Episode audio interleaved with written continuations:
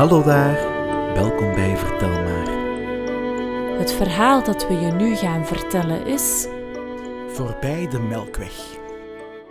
Lang geleden was er eens een tweeling, broer en zus. Warre en Sterre hadden dezelfde neus en oren. Ook hun ogen hadden dezelfde groene kleur.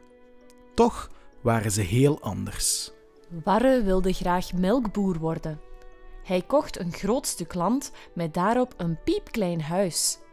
Honderden koeien graasden op zijn weide en hij verzorgde ze allemaal als koninginnen. Als ontbijt kregen ze met dauw bedekte madeliefjes op een bedje van zongedroogd gras. Smiddags werden ze verwend met zelfgemaakte netelsoep en s'avonds kregen ze nog een toetje van paardbloem. Want na een hele middag grazen hadden de koeien niet veel honger meer. Sterre had andere dromen. Ze reisde de wereld rond op zoek naar kleur. Maar hoe ver ze ook van huis was, elke dag stuurde ze haar broer een brief. In het zuiden vond Sterre verschillende tinten geel en rood.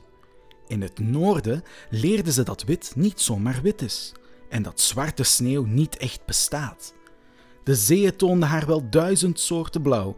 Dankzij de bossen waarin ze verbleef, vond ze bruin en groen niet langer saai. Toen Sterre alle kleuren op aarde dacht te kennen, schreef ze een brief naar de school voor regenboogmakers. Weken gingen voorbij. Sterre wachtte en wachtte en wachtte, tot ze een brief terugkreeg. Sterre, wij volgen jou al een tijdje en zijn enorm verrast door jouw kennis van kleuren. Wij geloven dat jij nog beter kan worden. Daarom geven we jou de kans om les te volgen aan de school voor regenboogmakers.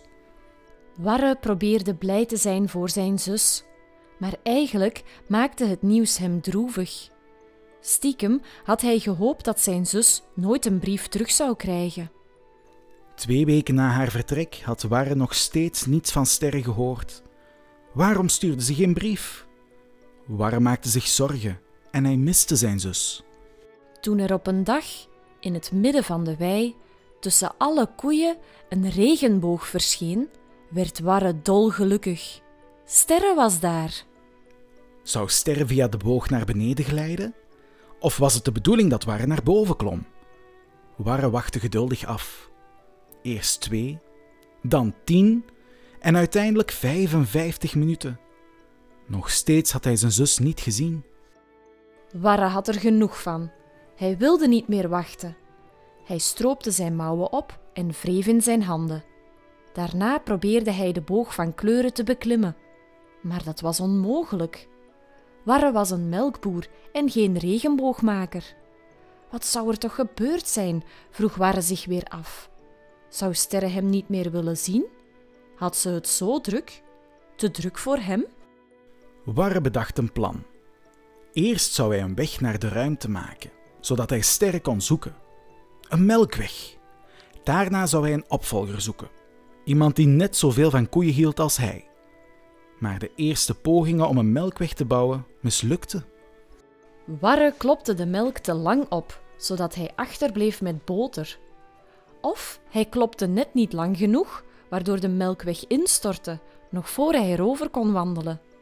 Nog een andere keer bleef er alleen een harde gele klomp met gaatjes over. Maar Warre gaf niet op. Hij bleef ploeteren en zoeken tot hij het perfecte recept gevonden had. En toen dat eindelijk gebeurde, hing hij diezelfde avond nog een briefje op in de supermarkt. Gezocht. Koeienvriend en melkboer. De dag daarop kwam er al een melkboerin langs. Warre gaf haar een lijst met 60 vragen. In 1, 2, 3 was de vrouw klaar. En ze had ook alles juist. Warre twijfelde geen seconde. Hij had zijn opvolgster gevonden. Twee weken gaf Warre haar les over de koeien. Toen was hij klaar om naar de ruimte te vertrekken. Hij vulde een rugzak met eten, drinken en een dekentje tegen de kou. Daarna zei hij dag tegen alle koeien. De melkboerin gaf hij een zoen op haar wang. Eerst zocht Warre zijn zus op alle planeten. Daarna bezocht hij de zon, de grootste ster van ons zonnestelsel. Maar Warre vond sterren nergens, dus trok hij verder de duisternis in. op de oranje ster van het elfde sterrenstelsel, vond Warre haar. Eindelijk! Ster was druk in de weer. Ze verzamelde penselen, verfbussen en kwasten in een mand. Warre rende naar haar toe en knuffelde haar bijna plat. Waarom heb je niets laten weten? vroeg hij daarna. Heb je mijn brief dan niet gevonden? Warre schudde zijn hoofd. Dat is raar. Ik heb hem via de regenboog naar jou gestuurd, Een regenboog heb ik wel gezien, maar een brief niet, antwoordde Warre. Hoe ben je hier eigenlijk geraakt? vroeg Sterre zich af. Ik heb een melkweg gemaakt, zodat ik je kon zoeken. Ik was erg ongerust. Sterre kreeg tranen in haar ogen. Heb je dat voor mij gedaan? En wat nu met je koeien en je boerderij? Een melkboerin zorgt voor hen. Ze zijn in goede handen, stelde Warre zijn zus gerust. Sinds die dag zijn broer en zus weer twee handen op één buik. Warre en de melkboerin wonen op de boerderij, waar ze samen voor alle koeien zorgen. Sterre reist als een regenboogmaker de hele ruimte rond. Soms via een regenboog en soms via de melkweg van Barre.